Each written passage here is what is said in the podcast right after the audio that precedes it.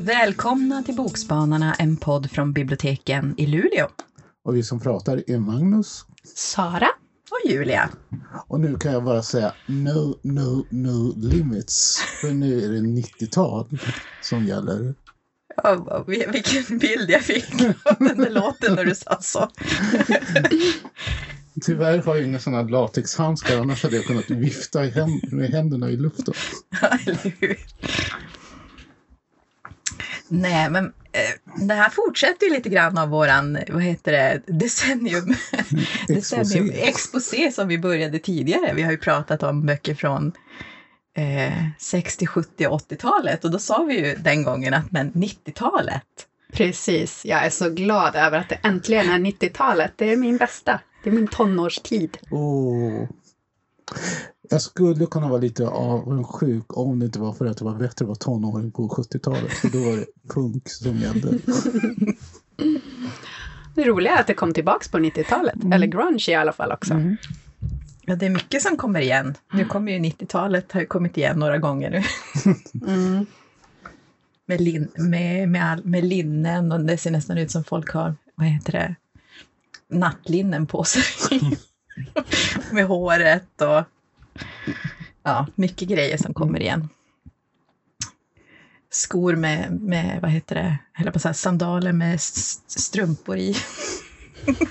Alla spännande grejer. Tur att vi inte är en modepodd. Nej. Ja, då hade inte jag fått prata alls. Men när det gäller 90-tal eh, och vi skulle välja en bok, då kommer jag att tänka på en bok som jag tyckte jag såg överallt på 90-talet. Och det är ju Aprilhäxan av Majgull Axelsson. Den kom ju 1997 och den här framsidan med den svarta korpen tyckte jag var överallt där ett tag. Mm. Och då tänkte jag, ja men då tar jag chansen nu och läser den. Eh, och den vann ju även Augustpriset eh, för bästa skönlitterära bok det året. Eh, och när jag läste den här, jag läser den lite som samhällskritik, alltså kritik eh, mot 50-talets liksom, samhälle där de tyckte att det var något, var det något fel på barnet som de tyckte. Så då övertygade de ju föräldrarna att sätta barnen på en institution. Och så for, gjorde de mycket forskning och gjorde mycket, de, de förväntade sig inte att de skulle typ kunna någonting. De behandlades lite grann som paket. Och, eh, och så skriver ju Majgull Axelsson också om, alltså, om, i boken om, om fosterhemsplacerade barn blir de ju. Och även om de fick en bra placering betyder det ju inte att det gick bra för dem. Alltså det här med, de levde ju med trauman som de inte fick någon behandling. Usch. Eller någonting för. Så att det är ju som, det handlar om mor och dotterrelationer. Det handlar om på något sätt systerrelationer. Alltså det är verkligen så här hjärtkärande om fyra systrar som samhället hade hand om en tid under uppväxten och nu möter vi dem som vuxna kvinnor och ser liksom vad deras uppväxt på något sätt hade för konsekvenser för dem och vad de har varit med om. Um, det är liksom... Eh, det, eh, den tog mig ett tag att läsa den här boken. Det kändes som att jag inte kunde, alltså man läste lite långsammare än vanligt. Och det har säkert att göra både med ämnet och sättet den är skriven. Ehm, och i centrum har vi de här fyra systrarna och det har vi Desiree eh, som föddes med svåra skador och direkt hon blev placerad på eh, institution. Och det var först i tonåren hon på något sätt fick lära sig att kommunicera. Så hon var ju typ ensam i princip i sig eh, utan att kunna kommunicera vad hon ville och vad hon kände på ett, på ett, eh, ett sätt som andra kunde förstå ordentligt. Och eh, hon är nu bunden till sin säng och pratar med en dator. Och viktigast i hennes liv då är då den här läkaren Hubertsson som hade varit hennes läkare i många år. Eh, och han berättade för henne eh, vem hennes mamma var och om de här eh, systrarna som vi kommer få, få möta hon håller koll på sina systrar genom att hoppa in och styra fåglar och här kommer det in lite så här mystiska grejer. Och hon, mm, hon, hon känner väl att hon vill veta, hon tycker att någon av de här systrarna kan ha tagit hennes liv. Varför blev hon den som fick liksom ligga här och de, hon kände att de fick ett bättre liv än vad hon fick. Så hon kallar sig då en aprilhäxa. Men hennes systrar då, Katarina, Margareta och Birgitta, som, nu har vi alla Hagasessornas namn som har kommit. Eh, nej, men de blev fosterhemsplacerade hos tant Ellen och det var ju Desirees mamma. Så hon, hon ser ju dem, alltså de räknas ju som, det är som lite syst, systerrelation på något sätt, för de all, alla har samma mamma inom situationstecken, jag vet inte hur man ska uttrycka det, fostermamma och Desirées mamma. Eh, och de är ju alla märkta av sina uppväxter. Så vi har ju Kristina som nu är läkare. Hon är gift, två utflygna döttrar, bor i ett fantastiskt hus. Som hon, det känns som att hon älskar huset mer, mer än, än sin man och hon lever verkligen också för, för sitt jobb och att det, hon, hon städar liksom frenetiskt. Allt ska se perfekt ut, allt ska liksom utåt, inte visa liksom det hon känner inåt. Hon har väldigt så här, svårt att visa det. Sen har vi Birgitta Eh, och hon var, var alltid utåtagerade och hon är nu beroende av droger och alkohol och har tillbringat tid i fängelset. Eh, hon, hon hör ju som bara av sig när hon behöver eller vill ha nånt, någonting. Och sen har vi Margareta som är fysiker, bor i Kiruna och hon, hon har eh, allt hon velat ha var ett barn, men hon har aldrig kommit så långt. Hon har alltid lämnat sina förhållanden innan hon, det har kunnat bli riktigt seriöst. Bara packat sin väska och stuckit. Hon har liksom inte kunnat gå steget ut. De på något sätt har, sök, alla söker kärlek, närhet och bekräftelse. Alla liksom fyra systrarna, men de har inte eh, det är inte, inte sund på ett sunt sätt på riktigt. Någon av dem känns det som. Eh, och då, eh, det som liksom utlöser som berättelsen är kring då, då får alla systrarna ett mystiskt brev. De här tre systrarna, Katarina, Birgitta och, och Margareta. Eh, och, de, och då anklagar de varandra för att skriva de här, liksom det här hemska brevet. De har som ingen på något sätt tillit till varandra. De, eh, de träffas inte alltid eller pratar inte alltid, men på något sätt liksom dras de ändå till varandra och de har så då anklagar de varandra för det där. Och vem har skickat breven och varför, liksom, undrar de i den här boken. Um, så det är väldigt intressant. Och den här Hubertsson, Desirees läkare, som en intressant karaktär. För han, han var ju den som berättade om systrarna och mamman för, för Desiree, men det är inte, han har inte berättat för henne var att han faktiskt var inneboende hos tant Ellen, alltså Desirees mamma, ett tag när de här flickorna växte upp. Och det har han inte berättat. Så man undrar, vem är den här mystiska liksom, läkaren Hubertsson och varför finns han liksom med i den här... Vem är han? Eh, så det är som typ samhällskritik blandat med typ magisk realism, eller hur ska man kalla det? Um, så jag är glad att jag fick en orsak att läsa den, för den är verkligen en speciell bok. Har någon av er läst den? Ja. ja, jag har läst den. Jag minns att jag tyckte jättemycket om den. Det var väldigt, eh, just det här med fåglarna och den här mystiska Hubertsson som jag faktiskt tänkte på när vi hade boksnack för ett tag sedan och det var en annan läkare i en bok som... Då kom jag att tänka på Hubertsson. Ja, nej, men hon, hon har ju lyckats bra att få många, alltså det är många lager i den här boken. Alltså man kan ju bara läsa den som ren samhällskritik eller så kan man ju gå all in på det här med det mystiska liksom mm. i det.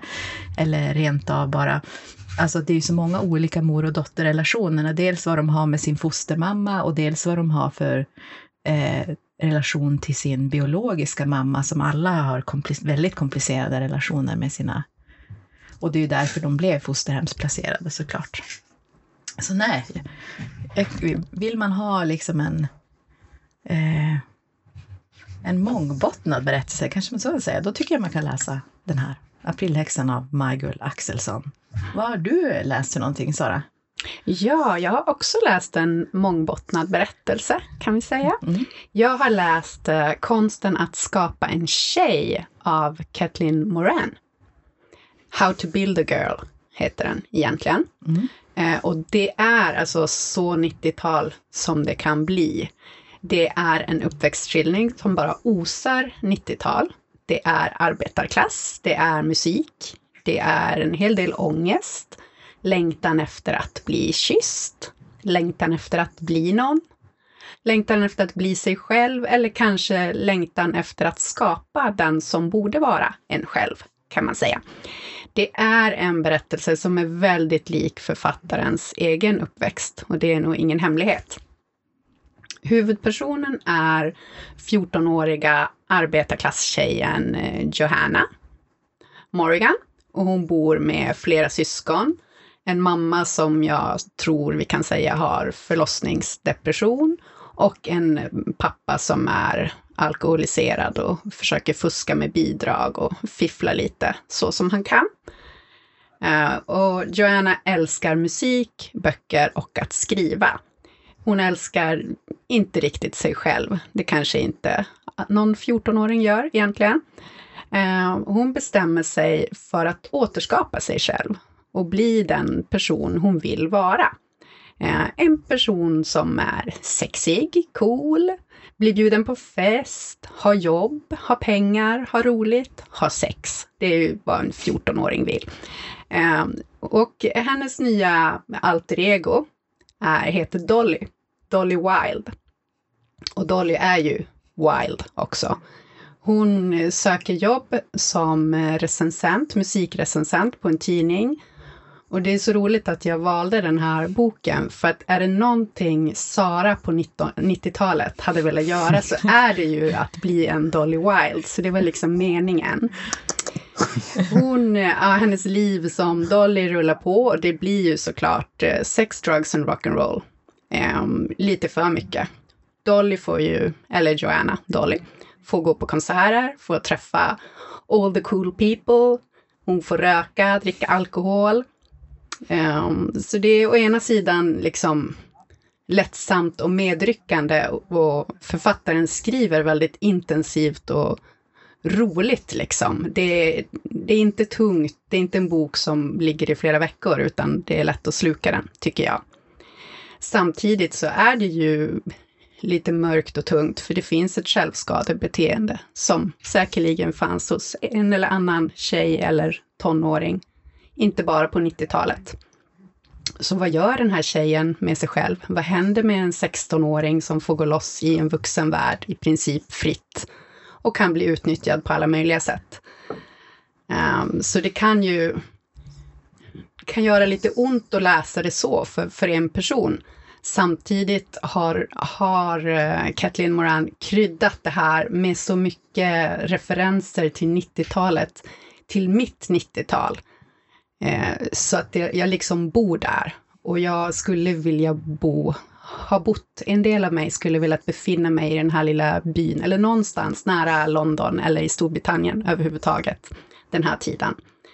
Eh, så alla referenser gör mig väldigt glad och nostalgisk. Jag kan tänka mig att för en annan person som inte har koppling till det så är det alldeles för kryddat med referenser. Det är allt från Pixies, Velvet Underground, Oasis, Blur, Manic Street Preachers, väldigt mycket musik som Dolly recenserar och lyssnar på.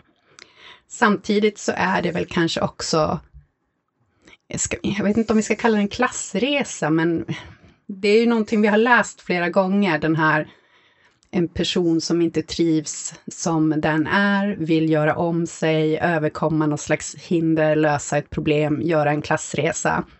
Ehm, det kan ju vara lika banalt som alldeles underbart. Och eh, jag älskar tanken på, tänk att du äger ditt liv och kan göra om dig, återskapa dig och hela tiden bli den här personen du vill. Och i det ryms ju också, vad finns kvar? Går det att göra det? Det finns alltid en kärna och i slutet så landar ju Dolly, Joanna i vad behövs för verktyg för att, för att vara en, en hel person?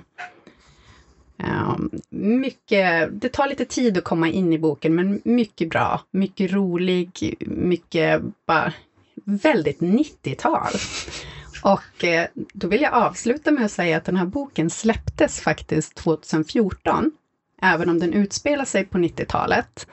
Den utspelar sig ju under författarens egen ungdomstid. Och jag är, jag är så glad att jag har läst den. Men jag är lite ledsen för att tänk, en del av mig tänker att tänk om den hade släppts 97 och Sara hade läst den då. Hur hade, hade det funnits en Sara Dolly Wilde eller vad hade hänt? Det är liksom en, en spännande och läskig tanke. Så konsten att skapa en tjej av Kathleen Moran. Väldigt bra 90-talstips. Men Magnus, vad har du läst? Ja, vi måste ju fortsätta pr- prata om Caitlin Moran. För hon är ju kröniker. Och hon har Precis. skrivit alltså, de roligaste feministiska texter jag har läst. Ja, hon Och- är så bra. Hon är så bra. Och jag tror att det är tur att hon inte skrev den här boken på 90-talet. För en av anledningarna att den är så bra, det är att hon har alltså en feministisk teori som hon liksom baserar på. Alltså att Mm. hon har levt ett tag, använder liksom sin livserfarenhet eh, för att titta på sig själv när hon var 16 år. Precis, och kunna ha distans till det och se just det här Mm. som verktygen som jag nämnde lite utan att Ja, berätta för mycket. Och det är ju också en av den anledningen att den är, går att läsa. Där, därför man vet, okej, det är en vuxen människa som har skrivit det här. Mm. det slutade inte som det skulle kunna ha slutat. I vissa delar av boken. Precis. Eh, jag har är ungefär tvärtom. Här är det inte feminism, utan tvärtom. Det är en bok som hatas, i alla fall av vissa feminister. Oj då, Som- spännande.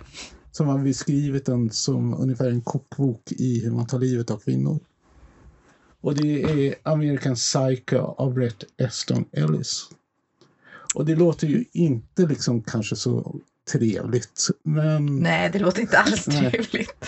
det går inte att komma ifrån att eh, The Serial Killer är liksom ett av de eh, ikoner som har påverkat 90-talet.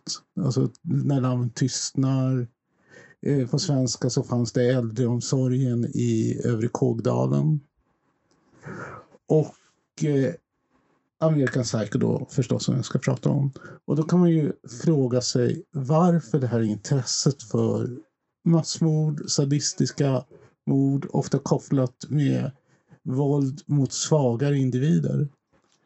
Och i American Psycho så är det ju väldigt tydligt att den kanske inte är skriven som en kritik av yuppiekulturen. Men det blir det i slutändan ändå. Och anledningen att den inte är skriven som en kritik av yuppiekulturen det är att författaren har berättat faktiskt att han inte har gjort det. Utan vad han har gjort istället är att han har på något sätt levt sin karaktär.